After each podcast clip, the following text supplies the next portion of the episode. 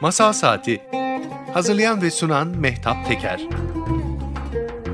Hayallerin altında ıslanmaya, mutluluğun kalbinize yıldırım gibi düşmesine, düşlerinize çöken bütün sisleri kaldırmaya ve güneşli günlere umutla bakabilmek için dolu dolu masal dinlemeye hazırsanız Mehtap Öğretmen'le Masal Saati başlıyor.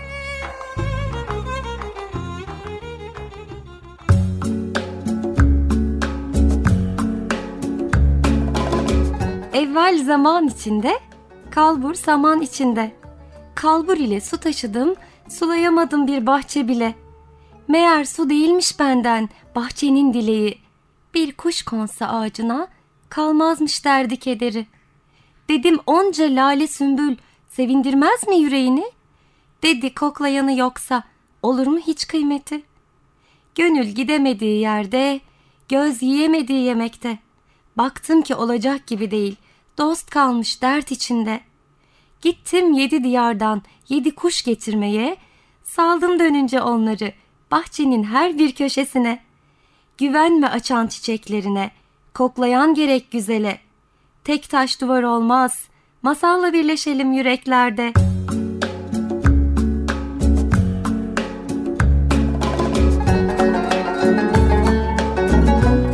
Ey yüreğim, konuştur dilimi. Ey dilim, duy yüreğimi. Nedir bunca heves, sevinçlerin peşinden koşuşun? Sadece sevdiğim duygular mı besler sanırsın ruhumu? Böyle demiş çok eski zamanlarda bir bilge. Şimdi ise uzmanlar aynı şeyi söylüyor. Bir kalbin dolu dolu görünmesi için bazen hilal gibi azalmalı, bazen yarım kalmalı. Tüm evrelerini sabırla geçtiğinde dolunay gibi parlamalı. Kalp bütün duyguları tanımalı, beslenmeli.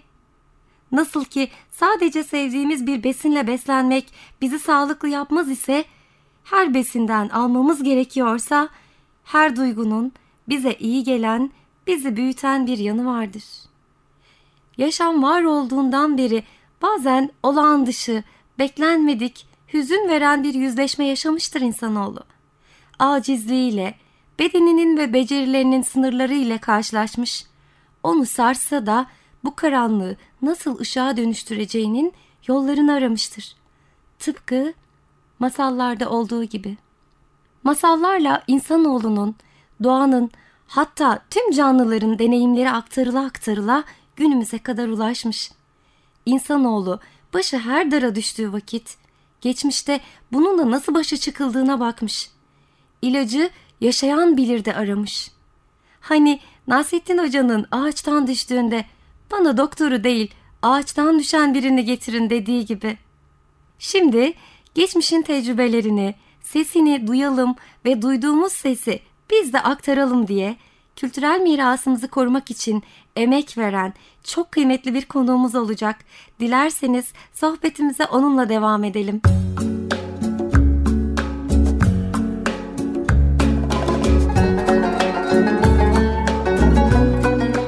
yayınımızda UNESCO Türkiye Milli Komisyon Başkanı, aynı zamanda Ankara Hacı Bayram Veli Üniversitesi Türk Halk Bilimi Bölüm Başkanı çok kıymetli hocamız Sayın Profesör Doktor Öcal Oğuz bizimle birlikte.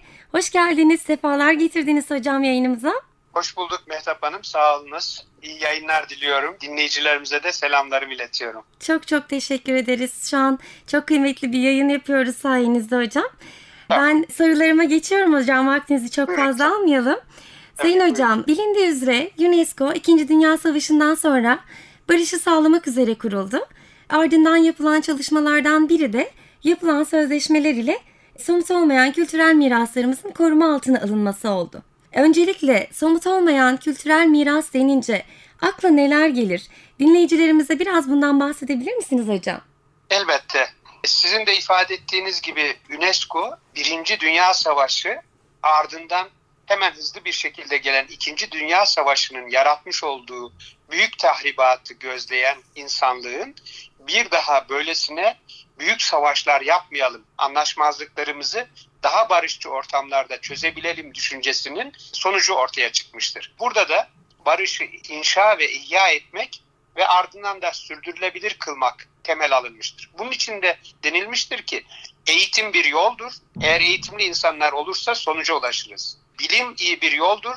Refah toplumları yaratırsak sonuca ulaşırız. Kültür bir yoldur. Kültürler arasında yaklaşımı güçlendirirsek bir sonuca ulaşırız. Ve nihayetinde insanlar arasında iletişimi sağlarsak, sağlıklı iletişimi bir yol buluruz denilmiş. İşte bu beş sektöre ayrılan bu programlardan kültür sektörü önce yok olan, hani İkinci Dünya Savaşı'nda daha çok bombalanmak suretiyle yok olan insanlığın bin yıllar öteden beri getirdiği kazanımları ister mimari eser olsun, ister kaybolabilir belgeler olsun bunların tamamının büyük bir kayıp olduğu düşüncesiyle öncelikle çatışma altındaki kültürel mirası koruyalım diye e, herhangi bir savaş durumu olursa tarihi eserler tahrip olmasın diye bir sözleşme yapmışlar. Evet. Onun peşinden biliyorsunuz tarihi eser değer kazanınca dünyada müzeler güçlenince ve kültürler arasındaki ilişkiler, yakınlaşmalar, turizm artınca bir yandan da tarihi eser kaçakçılığı da hem 19 hem 20. yüzyılda güçlü bir şekilde devam etmiştir. UNESCO taş yerinde ağırdır düşüncesiyle tarihi eserlerin kaçırılmamasını düzenleyen bir sözleşme daha yapmıştır. Evet. Üçüncü sözleşmesini bizim İstanbul, tarihi Yarımada'nın, Efes'in veya Kapadokya'nın ya da Denizli Pamukkale'nin veya Edirne Selimiye gibi yapılarımızın içinde bulunduğu Dünya Kültürel ve Doğal Mirasının Korunması Sözleşmesi'ni yapmıştır. Evet. Dördüncü olarak da 2001 yılında su altında batıklar nedeniyle veya göçüntü çöküşler nedeniyle yani herhangi bir nedenle barajlar nedeniyle hı hı. su altında kalan mirasın korunmasına yönelik bir sözleşme yapmıştır. Görüldüğü gibi UNESCO'nun kuruluşundan 2001 yılına kadar yaptığı bütün sözleşmeler ta, e, tırnak içinde söyleyip somut diye nitelendirebileceğimiz miraslara odaklanmıştır. İşte tam bu süreçte insanlık bizim somut miraslarımızın korunması iyi bir yöntem ama somut olmayanı da var. Yani masaldan, hikayeden başlayarak dille ürettiklerimiz, evet. bunun dışında vücut diliyle hikaye, tiyatro, dans gibi, müzik gibi, tiyatro gibi alanlarımız var. Bunun dışında doğumdan ölüme kadar geleneklerimiz, göreneklerimiz, şenliklerimiz, şölenlerimiz var. Bunun dışında mutfak birikimimizden mimari yapmadan halk hekimliğine kadar pek çok alanda doğa ve evrenle ilgili bilgilerimiz var. Nihayet bir de el sanatı geleneğimiz var. Demircilikten, bakırcılıktan, dericilikten başlayarak pek çok alanda. Bunlar da kayboluyor düşüncesiyle 2003 yılında somut olmayan kültürel miras sözleşmesi yapmışlardır Mehtap Hanım. Evet. Somut olmayan ifadesinin nedeni de biraz önce söylediğim dört önemli sözleşmenin tamamının somut diye nitelendirebileceğimiz objeler, eserler, yapılar üzerinden gitmiş olmasından. Şimdi 2003 yılında bu sözleşmeyi yapmış ve böylece bizim de tabiatıyla çok zengin biliyorsunuz. Evet. Masal, hikaye, destan, mitoloji, türkü, dans, tiyatro yani Karagöz, evet. Orta Oyun'un da gibi veya doğumdan ölüme kadar pek çok alanda da ritüellerimiz, Nevruz, Hıdrellez, Koçkatımı, Saya Gezme gibi bayramlarımız, şenliklerimiz ve e, tabiatıyla yabanıl otlardan ilaç veya yemek üretecek nitelikte e, matımağından kuşkusuna yemliğine kadar evet. bir mutfak birikimimiz ve nihayetinde mimari, halk mimarisi dediğimiz mimarimiz, halk tıbbı, halk veterinerliği, halk meteorolojisi, halk matematiği gibi de bir bilgi alanımız var. Bütün bunları koruyalım. Bu arada bakırcılık ölüyor, evet. demircilik kayboluyor, dericilik yok oluyor gibi bunların pek çok alanı da koruyalım düşüncesiyle uluslararası toplum 2003 yılında sizin ifade ettiğiniz şekliyle somut olmayan diye nitelenen sözleşmeyi yaparak bu alandaki mirası da koruma kararına varmıştır. Evet. Şimdi sizden dinlerken ne kadar da büyük bir hazineye sahip olduğumuzu fark ediyoruz hocam. Hani durup düşünme fırsatımız olmuyor belki ama gerçekten korunmaya değer böyle çalışmalarla sizler de bize önce oldunuz, ışık oldunuz ve ben bu ışık olduğunuz bir çalışmaya geçmek istiyorum. Ama önce somut olmayan kültürel miras hazinelerimizden, Anadolu masallarından bahsetmeden önce bir söz paylaşmak istiyorum hocam sizinle. Buyurunuz ee, tabii ki. Ursula Le Guin Hep Yuvaya Dönmek isimli kitabında şöyle bir şey söylüyor. Kediye bir parça et vermiştim. Annem eti kendin ye. Kedi avlanarak da ihtiyacını giderir dedi. Annem mantıklı ve sert bir kadındı. Büyük annem ise bırak dedi. Çocuk ruhunu besliyor. Şimdi bu dünyada sadece bedenimizin değil, ruhumuzun da doyurulmaya ihtiyacı olduğunu çok güzel anlattığını düşündüğüm bir cümle. Ruhumuzu da değerlerimize doyuran masallarımızın önemini ortaya çıkarıyor bence. Değerli hocam, siz değerli büyüklerimiz hem kültürümüzü korumak hem de ruhumuzu bizi biz yapan değerlere doyurmak için tabiri yerindeyse kollarınızı sıvadınız. Anadolu Masalları projesini bizlere sundunuz. UNESCO ve Milli Eğitim Bakanlığı'nın ortak çalışması olan bu projenin amacı ve kazanımlarından biraz bahsedebilir miyiz? Memnuniyetle elbette. Bu biraz önce söylediğim gibi 2003 sözleşmesi bütün ülkelere diyor ki eğer bu sözleşmeye taraf olursanız sizin topraklarınız içinde halkınızın kültürü olarak bilinen somut olmayan miras olarak tanımlanan alanları koruyun bu korumayı kuşaktan kuşağa aktarım biçiminde yapın. Yani sizin biraz önce bir nine, anne ve torun arasındaki ilişki gibi evet. aktardığınız gibi nesiller arasında konuşarak kültürü ninenin bildiğini torunun bildiği hale getirmek, dedenin bildiğini torunun bildiği hale getirmek ve onların da kendi torunlarına aktaracağı şekilde yaşamasını güvence altına almak diyor esasen buradaki korumadan kastettiği sözleşmenin. Evet. Bir de 2005 yılında Mehtap Hanım UNESCO 6. Kültür Sözleşmesi'ni yaptı. O da kültürel ifadelerin çeşitliliğinin korunması ve geliştirilmesi sözleşmesi. Burada da UNESCO iki temel çeşitlilikten bahseder bütün süreç içerisinde. Bir, biyolojik çeşitliliği koruyalım. iki kültürel çeşitliliği koruyalım. Evet. Bizim bir düşüncemiz de şu, insanlık gittikçe küreselleşen dünyada renklerini ve çeşitliliğini soldurma tehlikesiyle karşı karşıya. Bu soldurma da çeşitliliği ve zenginliği ortadan kaldırıyor.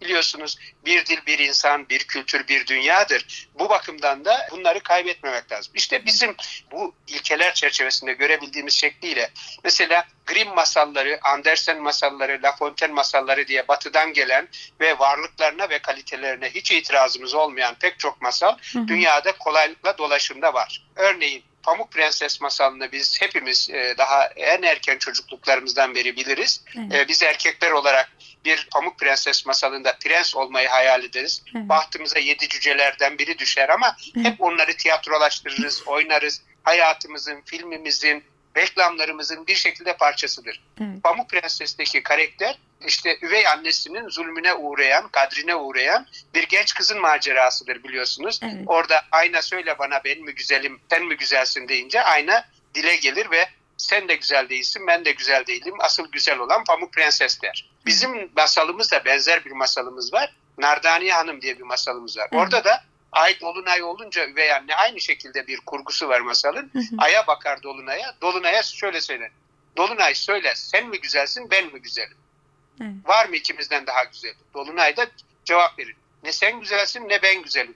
İkimizden daha güzeli Nardani Hanım der. Hı. Ve bu üvey anne bu kıskançlık üzerinden işte benzer şekilde bir Nardani Hanım'ı yok etme mücadelesine girer.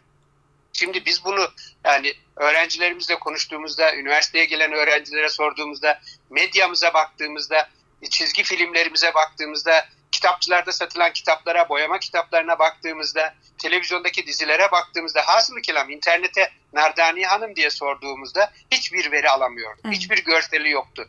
İşte dedik ki biz tamam bizim büyüklerimiz, alimlerimiz, bilim insanları bu masalları bir şekilde Anadolu'dan toplamış, bilenlerden derlemiş, kitaba dönüştürmüş ama o kitaplar tozlu raflarda, kütüphanelerde veya 3-5 masal çalışması yapan araştırmacının elinde kalmış.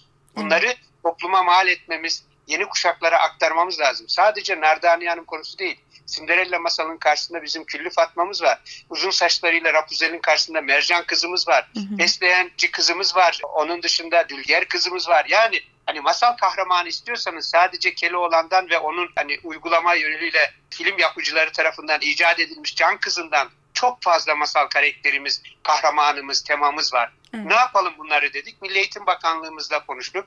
Bakanlığımızın Öğretmen Yetiştirme ve Geliştirme Genel Müdürlüğü, Genel Müdürü Adnan Boyacı Beyefendi. Bunları hocam topluma mal edelim, öğretmenlerimize mal edelim, sizlerle çalışalım dedi. Bizim de tabii üniversitede Hacı Bayram Veli Üniversitesi'nde bir ekibimiz var bu masalları, bu konuları çalışan uzman arkadaşlarımız var. Hı hı. Bu uzman arkadaşlarımızla ekibimizle kollarımızı sıvadık. Türk masallarından öğrencilerin istifade edebileceği, boyama kitabı olacak, öğretmenlerimizin anlatabileceği, toplumun çeşitli kesimlerinde farkındalık yaratılacak bir program ve projeyi Milli Eğitim Bakanlığımızla birlikte tabii UNESCO Milli Komisyonu'nda biraz önce söylediğim somut olmayan miras ve kültürel çeşitlilik sözleşmesi ekseninde de okuyarak biz de oraya destek olduk ve binlerce öğretmenimiz büyük bir heyecanla aradığımız işte buymuş bizim. Biz kendi kültürümüzü tanımıyormuşuz. Nasıl mercan kızı, nasıl fesleğenci kızı, dülger kızını, Nardani hanımı tanımadan kırmızı başlıklı kızı efendim veya Cinderella'yı ya da Pamuk Prenses'i tanımışız. Rapunzel'i tanımışız. Onlar zenginlik ama bunları tanımamak eksiklik diye bakıldı. Evet. Ve buradan da sizin de biraz önce söylediğiniz gibi bütün Türkiye'ye bir çığ gibi adeta yayılan ve etkileyen bir ihtiyacı görme projesi oldu diyebilirim. Biz Yalova'da ilk eğitimde sizinle karşılaştığımızda şöyle bir söz söylemiştiniz Sayın Hocam. Tek taş duvar olmaz demiştiniz. Bizi bir araya getirip her taşta geçmişimizin izini taşıyan, geleceğe de umutla bakan bir duvar ördünüz. İyi ki varsınız ve iyi ki bizi böyle bir projeyle birleştiniz. Biz seve seve Türkiye'nin dört bir yanında çocuklarımıza, öğrencilerimize Anadolu masallarını anlatıyoruz ve o kadar güzel, keyifli sonuçlar ve döntüler alıyoruz ki tekrar teşekkür etmek istiyorum. Bir de masallarımızın içimizdeki hamlı terbiye etmek ve dünya maceramıza bir olgunlaşma yolculuğunu sağlaması için vefalı bir arkadaş olduğunu fark ettik biz. Ve eğitimciler olarak çocukların dünyasında kök değer oluşturabilmenin de bir yolunu bulduk Sayın Hocam. Sen tabiata iyi davranırsan tabiat da sana tüm güzelliklerini açar. Doğru söylersen, merhametli olursan, kısacası iyi olan hep kazanır ya masallarda. Şimdi bu kazanımları amaç edinen kültürel mirasın kuşaktan kuşağa aktarımı için gönül elçiliği yapan öğretmenlerimize Neler söylemek istersiniz? Onlar sizden umutla gelecekte bu hazineyi nasıl koruyalım? Bunların da cümlelerini bekliyoruz Sayın Hocam. Mehtap Hanım öncelikle yani sizin gibi genç, enerjik, kültürünü kuşaktan kuşağa aktarma motivasyonuna güçlü bir şekilde sahip dostlarımız, öğretmenlerimiz, arkadaşlarımız, meslektaşlarımız oldukça bu mesajların doğru şekilde yerine gitmiş olduğunu, gitmekte olduğunu, gidecek olduğunu görüyoruz. Bu çok büyük bir mutluluk verici bir hazine. Bu hazine önemli bir değerimiz ve gücümüz.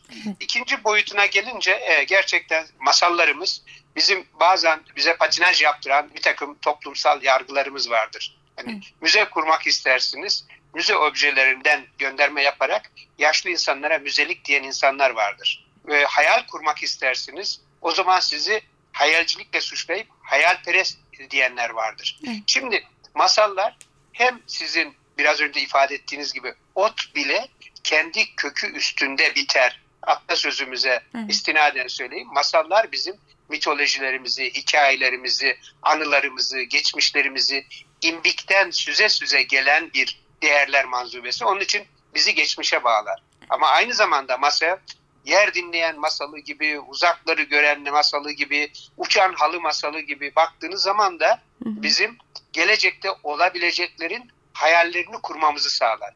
Dolayısıyla masal esasında kökleri derinlere güçlü bir şekilde gitmiş ve dal budaklarıyla, yapraklarıyla semaya doğru çıkan gölgelice kaba bir ağaç gibi hani gölgelice kaba ağaç güçlü büyük ağaç anlamına geliyor Türk dilinde biliyorsunuz.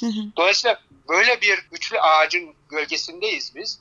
Ee, bunun meyveye döndüğünü görüyorum yani kısacası öğretmenlerimizle. Onların bütün paylaşımlarını mümkün olduğunca sosyal medyadan, diğer yerlerden takibe çalışıyorum. Ee, heyecanlarını görüyorum.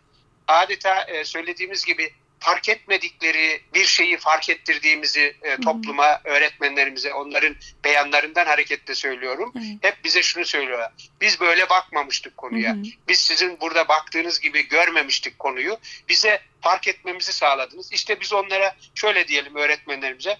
Orada uzakta kalmış olan sizin değeriniz, hmm. sizin birikiminiz, sizin kültürünüz. Gidin o kültüre dokunun diye bir ricada bulunduk. Öğretmenlerimiz oraya koşa koşa gittiler ve dokunmak bir yana onları işlediler, yorumladılar, çeşitli formlara dönüştüler ve ben bunun artık durdurulamaz bir süreç olduğunu düşünüyorum.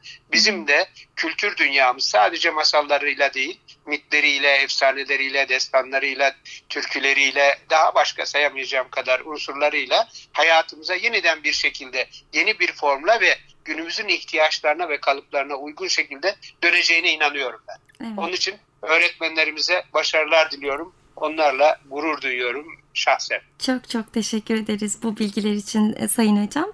Biraz da müzelerimizden bahsedelim mi hocam? Türkiye'nin birçok yerinde somut olmayan kültürel miras müzeleri açıldı.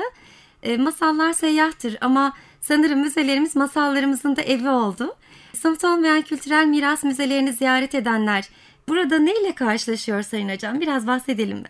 Elbette müze anlayışımızda da Mehtap Hanım biraz değişiklik yaptık. Standart camekan arkasındaki değerli objelerin dokunmayınız, tarihi ve mali maddi değeri çok yüksektir diye yüksek emniyetli duvarlar arasında saklandığı, korunduğu müzeler var. Bu bir müzeciliktir ve doğrudur ama müzecilik sadece bu değildir. Biraz önce söylediğim gibi UNESCO'nun dört sözleşmesi bu müzeciliği destekleyebilir ama UNESCO'nun 5. ve 6. sözleşmesi bu müzeciliğin dışında bir şey yapmamızı gerektiriyor. Hı hı. Çünkü aldığı 5. sözleşme yani somut olmayan miras sözleşmesi bir mirasın kuşaktan kuşağa aktarımı. Yani bir somut müze Mehtap Hanım bir halıyı 13. yüzyılda 15. yüzyılda daha erken pazarı halısı da olabilir Türklerin hani eski Saka devletinden kalan getirirsiniz müzeye sergilersiniz korursunuz bu bir Türk halısıdır dersiniz. İşte somut olmayan miras Türk halısının bir örneğini korumak değil. Türk halısının dokunma kültürünü korumak, dokunduktan sonra kullanma kültürünü korumak olarak alıyor. Hı. Mesela tarihi 19. yüzyıl Karagöz hayali sanatçısının koleksiyonunu alabilirsiniz. Çok da pahalı olabilir. Bunu camakenda vitrinde de saklayabilirsiniz. Bu çok değerlidir kuşkusuz. Ama onu somut olmayan miras müzesi o tasvirlerin camekan arkasında korunması değil.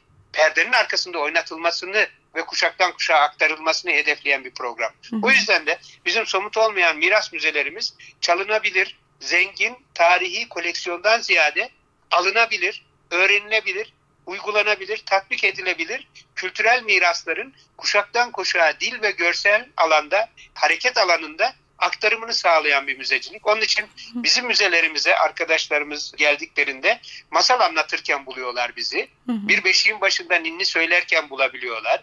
Ee, bir e, odada meddahlık e, yaparken bulabiliyorlar. Veyahut Karagöz perdesinin arkasında buluyorlar bizi öğrencilerimizi.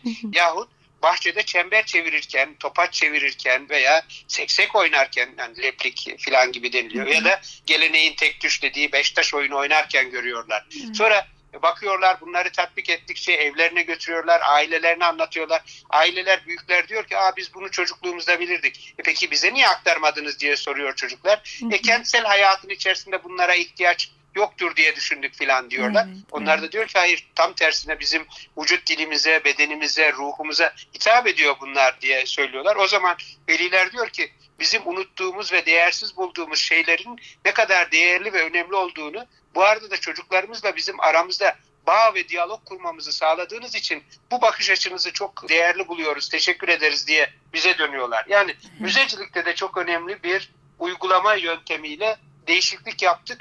Öğretiyoruz, aktarıyoruz zevk alıyoruz, birlikte yapıyoruz müzelerde. Emeğinize, yüreğinize sağlık hocam. Yani tam da az önce bahsettiğiniz konuyla ilgili sorum olacaktı. Şimdi kentsel yaşam aile büyükleriyle zaman geçirmeyi bir kopuşla beraber durdurdu. Kültür eğitimi de bu anlamda çocuklarımız için zorlaştı hocam. Yani kentli çocuklar doğayı, ağaç türlerini, kuş türlerini bilmiyorlar ve kentsel yaşamda kültür eğitimini nasıl sağlayabiliriz sorusu biz eğitimcilerin ve ebeveyn olarak anne babaların da sorusu haline geldi. Bunun için neler önerirsiniz Sayın Hocam? Çok doğru. Modernleşme ve kentleşme sürecimiz sancılı geçti. Çünkü çok dev, büyük bir imparatorluğu adeta Anadolu'ya nüfusuyla, halkıyla yokluk içerisinde sıkıştırdık. Çünkü Balkanlarda başlayan ve devam edip gelen iç isyanlar, savaşlar, birinci, ikinci Balkan savaşları, ardından birinci Dünya Savaşı, ardından İstiklal Savaşımız derken yokluk ve yoksulluk içerisinde bir Anadolu'da ihtiyacımız olan mühendislik, doktorluk gibi fen bilimleri alanına tabii ki ağırlık verdik. Zaten o dönemlerde nüfusumuzun %75'i köylerde %25'i şehirlerdeydi. Köylerde olanlar da kendi kültürel bağlamlarında kültürlerini atadan toruna aktarma imkanlarına, fırsatlarına ve mekanlarına sahiptiler. Ancak hızlı bir şekilde kentleşmeyle birlikte bugün 2021'in dünyasına geldiğimizde %90 civarında büyük şehirlerin mahallelerinde sayarsak kentli bir nüfusa sahibiz. %10'a düştü kırsal nüfusumuz. Kentli nüfusun yoğun olduğu bu yerde elbette ki yine hem bilimleri, kalkınma, refah için doğal sağlık bilimleri tabii ki kaçınılmaz ama bu kentli nüfusun ihtiyaç duyduğu kültürünü kuşaktan kuşağa aktarma formlarını, imkanlarını, müfredatlarını ihya ve inşa edemedik o süreçte. Hı hı. Bu nedenle de bir de bir algı da oluştu. Modernite, kentlilik Avrupa'nın kentleri gibi olmalıyız. Oradaki yaşayan somut olmayan miraslar neyse onları taklit etmeliyiz. Bizimkiler köylerde eskilerin mirasıdır. Onlara ihtiyaç yoktur gibi bir modernite algımız da oluştu yanlış bir şekilde. Evet. Ve dolayısıyla bize ait olanı da kente getirmemek lazım gibi bir duyguya kapıldık. Hatta Hı. o duygu çerçevesinde de ayıp bile saydık kendi kültürümüzü yaşatmayı, icra etmeyi, kent içine getirmeyi. Mesela hani beyzbol oynayan çocukların aurası ve ışığıyla çelik çomak oynayanların aurası ve ışığı arasında fark gördük. Hı hı. E, dolayısıyla beyzboldur işte kentlilik dedik. Halbuki e, çelik çomak da formatlandırılabilir, oyun alanları olabilir, oynanabilir. Başka oyunlar da oynanabilir. Kısacası biz her alanda modernitenin bir parçası olamayacağı varsayımına kapıldık kültürümüzün. Bu bakımdan da uzun süre müfredatımıza geleneksel kültürümüzün sadece müsaade edilen diyelim sanat olarak müsaade edilen işte Karaca olan şiiri gibi, Aşık Veysel bağlaması gibi sınırlı alanlarda kentle taşıyabildik ya da işte birkaç halk oyunu örneği gibi. Hı hı. Onun dışında kuşaktan kuşağa aktarılması gereken değer dediğimiz, norm dediğimiz, örf dediğimiz alanlar ise tabir yerindeyse öf deyip bir kenara bıraktık o dönemde. İşte şimdi gördük ki bizim o ihtiyaç duyduğumuz şölenler, şenlikler, gelenekler vesaireler meğer ne kadar hayati ve uygulanabilir ve geleceğe aktarılabilir şeylermiş. Biz bunları yeni yeni fark ediyoruz. Mesela belediyelerimiz muhtelif parklar yapıyorlar. Yaptıkları parklara işte şato diyorlar, işte masal parkı diyorlar. Onların içerisine pamuk prensesler, sinderellalar bilmem nelerin heykellerini koyuyorlar ama Türk masallarından, Türk öykülerinden, Türk destanlarından pek bir şey gelmiyor. Biz bunları eleştiriyoruz. Dolayısıyla yavaş yavaş kentin böyle olmadığı, oyun alanlarının, kültür alanlarının, mekanlarının, bayram alanlarının, bayram yerlerinin buna uygun olması gerektiği. Mesela belediyeler çocuklar için park yapıyorlardı. Hani küçük küçük yerlerde küçük parklar. Hı hı. iki salıncak bir kaydırak biçiminde biz onu yani biraz karikatürleştiriyoruz. Ee, burada ne dedeyle torunun buluşmasını sağlayan bir çelik çomak oynanabilir. Hı hı. Ne bir yerde topaç çevrilebilir. Zaten bunlar ne nesnesi var ne de hoş görülebilir davranışlar. Mesela ev içerisinde nine ile torunun gelin çocuklar Beşiktaş oynayalım dediğini de kent kültürü içerisinde görmüyoruz. Niye görmüyoruz? Eğitim sistemi bunu vermiyor. Medya vermiyor. Televizyon aktarmıyor. Sinemada görmüyoruz. Çizgi filmde görmüyoruz. Boyama kitaplarında görmüyoruz. Bizim de bir e, bunda sloganımız var. Okuldan kovulan hayattan kovuluyor. E çünkü bu kültürler okula girmemişler. Girmeyince de yeni çocuklar öğrenmiyor. Öğretmenler bunları değersiz ve kırsal eski kültür olarak görüyor. Yeni olarak kitapçıda işte CD'si, görseli, daha iyi paketlenmiş Avrupa'dan hazırlanmış gelmiş ürünleri takdim ediyorlar ve böylece bu kent ışığı, kent aurası tamamen çeviri, ithal, kültür dokularıyla oluşuyor. Esin kaynaklarımız da onlar oluyor. Yani bunu biraz tersine çevirip kendi kökümüzden besleneceğimiz bir tarzı da bulmamız lazım. Elbette dünya kültürlerinden ilham alalım, onlardan da yararlanalım ama kendimizi bu denli ihmal etmemiz ve unutmamız kültürel çeşitliliğe de ihanettir aynı zamanda. Evet. Hatta şöyle değil mi Sayın Hocam? Bir günümüz insanının bir sitemi, bir özlemi, hasleti var. İşte nerede o eski bayramlar ya da nerede o eski günler? Eğer biz o özlem duyduğumuz günleri gelecek kuşaklara aktarmaz, öğretmezsek onların böyle bir hasleti, böyle bir özlemi de olmayacak. Hiç bilmeyecekler. Dolayısıyla bizim buna sahip çıkmamız ve sizlerin de bu projeleriyle, çalışmalarıyla, desteğiyle açtığınız kapıdan yürüyerek elimizden ne geliyorsa öğretmenler olarak hem masallarımızı hem de kültürümüzü anlatmaya devam edeceğiz. Sayın hocam şimdi masallarımızla ilgili bugüne ve geleceğe bir söz bırakır mısınız bize son olarak? Ne diyelim masallarımıza dair? Sadece masallarımız değil belki şöyle diyelim. Hani masallarımız bizim için kültürün kuşaktan kuşağa aktarımının en önemli alanlarından birisi. Bunun içine hikayeleri katmak lazım. Bunun içerisine çocukların sokakta oynadığı oyunları katmak lazım. Bunları niye söylüyoruz? Bir kimliğimiz ve aidiyetimiz için kaygımız var da bunu korumak istiyoruz. Evet bu kaygı normal bir kaygı.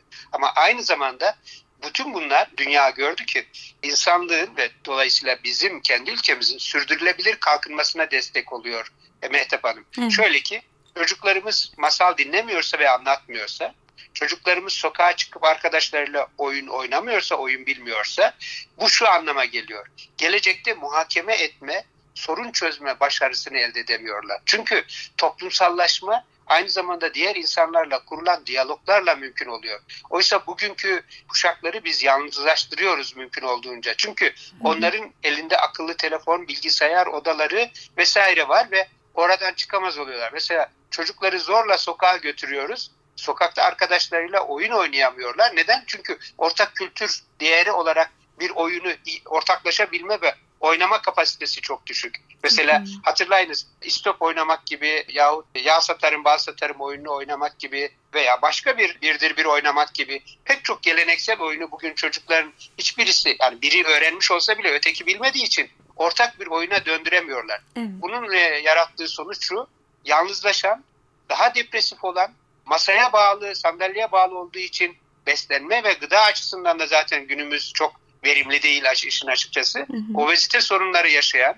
sonra karşılaştığı sorunları çözemediği için öğrendiği bilgisayar oyunlarındaki öldürme karşılığı puan alma gibi atraksiyonların etkisinde kalarak topluma şiddet veya huzursuzluk, mutsuzluk ve depresyon ilaçları kullanan bir kuşağın gelişi gibi e, de onu okumak lazım. Amerika'da bugün sıklıkla karşılaştığımız bu sorun şiddetin yükselişi başlığı altında pek çok kültür bilimcisi tarafından irdeleniyor. Biz o noktaya henüz gelmedik ama açıkçası çocuklarımızı sokağa ve diğer akranlarına, nesiller arasında da bilgi kültür aktarımına özellikle anneden ninni dinlemeye, nineden masal dinlemeye yani bunları semboller olarak söylüyorum. Anne de masal anlatır, hı hı. ninni de ninni, nine de ninni söyler veya baba da söyler fark etmez. Dolayısıyla bir interaktif kültürler arası etkileşim içerisine yani kuşaklar arası kültür etkileşimine mutlaka sokmamız lazım ve eskiden hatırlarsınız belki bilmiyorum sizin yaşınız pek uygun değil ama bizim yaşımızda biz geceleri bile gece saklambaçları falan oynardık evet, eve zor evet. gelirdik bizi sokakta ararlardı ve kulağımızdan tutup sokak çocuğu oldun diye kızarak gelirlerdi. Evet. Şimdi belediyeler çocuk sokağı yapıyor her yerde çocuklar sokakta değil. Çünkü ortak paylaşacak bir şeyleri yok. Herkesin paylaşacağı şey internette, bilgisayarda, akıllı telefonda, sosyal medyada vesairede oldu. İşte bu da toplumsallaşmayı önleyen, hareketi, devinimi azaltan, obeziteyi artıran, depresyonu artıran ve bunun sonucunda da hiç telaffuz etmek istemediğim bin bir sorun ortaya çıkan nesiller çıkıyor. Şimdi bugün toplumda şiddetin yükselişini de buraya bağlamak lazım. Evet. Evet. Yani şey... söylemek istediğim şu. Masalsızsanız sorunlarınız büyüyebilir. Evet. Masalınız bol olsun, sorunlarınız olmasın. Yani çok çok teşekkür ediyoruz Sayın Hocam. Çok kıymetli, çok değerli bilgiler paylaştınız bizimle. Hani az önce söylemiştiniz de Sayın Hocam Pamuk Prenses Rapunzel'i elbette bilsinler ama kendi kültürümüzü Nardaniye Hanım'ı, Küllü Fatma'yı bir Nohutoğlan'ı da bilsinler çocuklarımız diye. Elbette. Ben evet, hatırlattınız Nohutoğlan'ı da unutmamak lazım. Bir evet. kere olan değil. Nohut olan da var. Onu özellikle söylüyorum çünkü sohbetimiz bittiğinde ben e, nohut olan masalını anlatacağım hocam. Bunu onurla söylüyorum. Çünkü bu atılarımıza ve şu anda sizlere bir borç bizim için. Çünkü bize inandınız. Bizleri bu amaçla bir araya getirdiniz.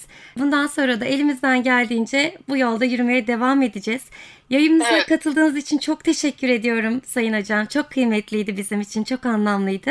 Çok teşekkür ederim ben de ama sözümün sonunda şunu da söyleyeyim. Buyurun. Ee, biz bir yaktık yaktığımız ışığı genç arkadaşlarımız sürdürüyor. Pek çok arkadaşımız yetişti. Evet. Onları da yetiştiren ve onları da hayat hazırlayan doçent doktor Evrim Ölçer Özüneli de kardeşimi de e, anmak isterim burada. Çok kıymetlidir. Bundan iki program önce de konuğumuzdu hocam. Onunla da hasbihal ettik ve çok güzel bilgiler paylaştı bizimle. Öğretmenlerimiz Evrim hocamızı çok sevdi.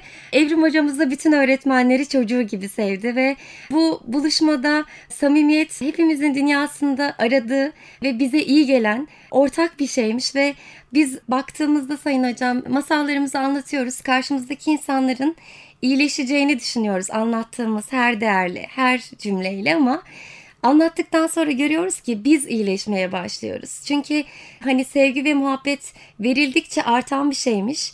Biz bunları anlatmaya başladığından beri bütün öğretmen arkadaşlarımıza ya da masal seven herkese duyduğum ortak cümle şu.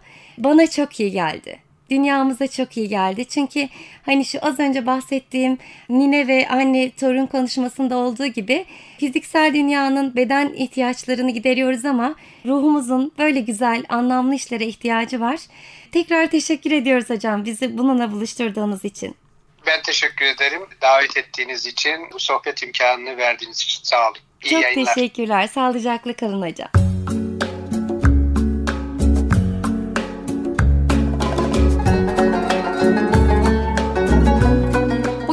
Profesör Doktor Sayın Öcal Oğuz hocamız konuğumuz oldu. Bu güzel sohbetin ardından Nohut olan masalına geçmeden önce bir söz yazalım mı kalbimize? Her sabah bir çiçeği aklında tut. Bir tebessümü gezdir ruhunda. Dünya kötüleri bırakılmayacak kadar güzel ve sen içindeki dünya ile güzelsin. Masallar bir varmış bir yokmuş diye başlar ama mutluluk hep var olsun sizin hayat masalınızda.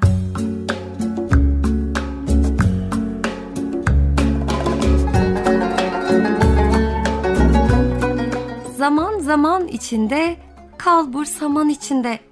Develer cirit atarken eski hamam içinde. Aç tavuk düşünde darı görürmüş. Hastalar desen narı görürmüş. Ben de ben olalı her gece sarı görürüm. Yumurta sarısı mı desem, kanarya sarısı mı desem, altın sarısı mı desem, ne desem ne desem, sarı mı dedin sarı?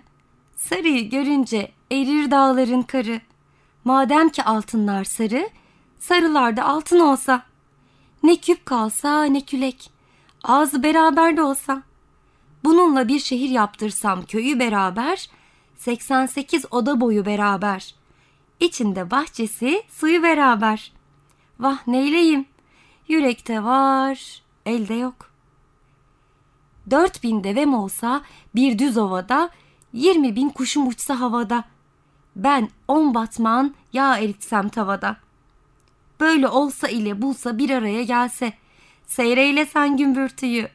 Ama ve lakin lafla peynir gemisi yürümez ki. Yürüse yürüse masal yürür.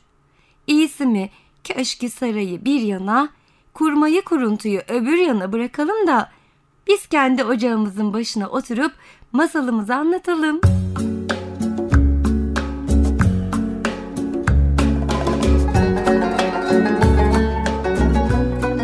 Bir varmış, bir yokmuş. Vakti zamanında uzak memleketlerden birinde çiftçi bir aile yaşarmış.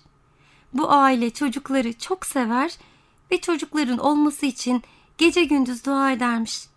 Ama bu dilekleri bir türlü gerçekleşmezmiş. Adam her sabah tarlasının yolunu tutar, tarlasına gider, eker biçermiş. Kadın da öğle vakti geldiğinde öğle yemeğini kocasıyla yemek için çöreğini yemeğini yanına alır tarlanın yolunu tutarmış. Kalp duaya durunca dil onu duyar onu söylermiş ya. Kadın gece gündüz yolda tarlada hep şu duayı edermiş. Allah'ım bana bir çocuk nasip eyle. İstersen nohuttan bile küçük olsun dermiş. E verirler ben acizim kudret senin dedikçe. Verenin şanı büyük sen iste istedikçe. Günlerden bir gün kadın akşamdan nohutları bir güzel ıslamış. Kapağını güzelce kapatıp tencereyi tezgahın üstüne koymuş. Karı koca derin bir uykuya dalmışlar. Sabah olmuş, güneş tepelerin üzerinden kızıllığını bizim çiftin penceresine düşürmüş. Sanki güneş yaşayacakları mutluluğun habercisiymiş. Işıkları ile dürtmüş omzundan bizim karı kocayı. İkisi de bir başka uyanmış sanki. Adam mutlulukla tarlasının yolunu tutmuş. Kadın da öğleye pişirmek için nohutların yanına gitmiş. Tencerenin kapağını açtığında şaşkınlıktan dilini yutacakmış. Nohutlardan bir tanesi dile gelmesin mi? Anne yemek hazır mı? Hazırsa ben götüreyim tarlaya demiş minicik Nohutoğlan'ın kocaman gözlerine şaşkın şaşkın bakan kadın ne diyeceğini bilememiş. Nasıl olur da bir nohut dile gelir diye düşünürken bizim Nohutoğlan pıt tencereden tezgaha zıplamış. Anahtar deliğinden hop bahçeye atlayıvermiş. Hoplaya zıplaya, oynaya oynaya, derelerden sel gibi, tepelerden yel gibi geçerek varmış babasının tarlasına. Nohut olan babasının yanına gide dursun, Şaşkınlıktan dili tutulan kadınsa yemekleri alıp doğru kocasının yanına doğru yola koyulmuş. Kocasının yanına gelen kadın kekeleyerek kocasına olanı biteni anlatmış. Kocası karısının bu haline pek üzülmüş. Evlat hasretinden aklını yitirmiş olmasından korkmuş ama karısına da belli etmemiş. Nasıl olur da bir nohut çocuğa dönüşür diye içinden geçirmiş.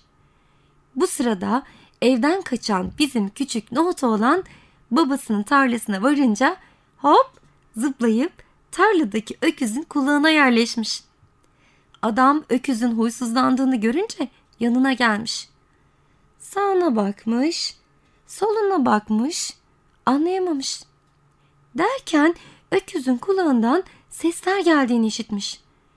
Tam ne olduğunu anlamaya çalışırken nohut olan pıt zıplamış yere, çimlerin arasına karışmış. Adam şaşırmış kalmış. Allah Allah nasıl olur demiş. Sonra karısının anlattıkları gelmiş aklına. Demek doğruymuş. Almış çimlerin arasından nohut oğlanı avuçlarında sevmiş bir süre. Nohut oğlanı da alıp gitmişler karı koca evlerine. Meğer bir şeyi çok ister ve inanırsan ruhunun derinliklerinde büyüyen bu kocaman rüya bir nohut tanesinde can bulur serilirmiş önüne. Gökten üç elma düşmüş. Biri bu masalı çok eskiden ilk anlatan sahibine. Biri nohut oğlana. Biri de muradı olup da gerçekleşsin diye bekleyenlerin başına.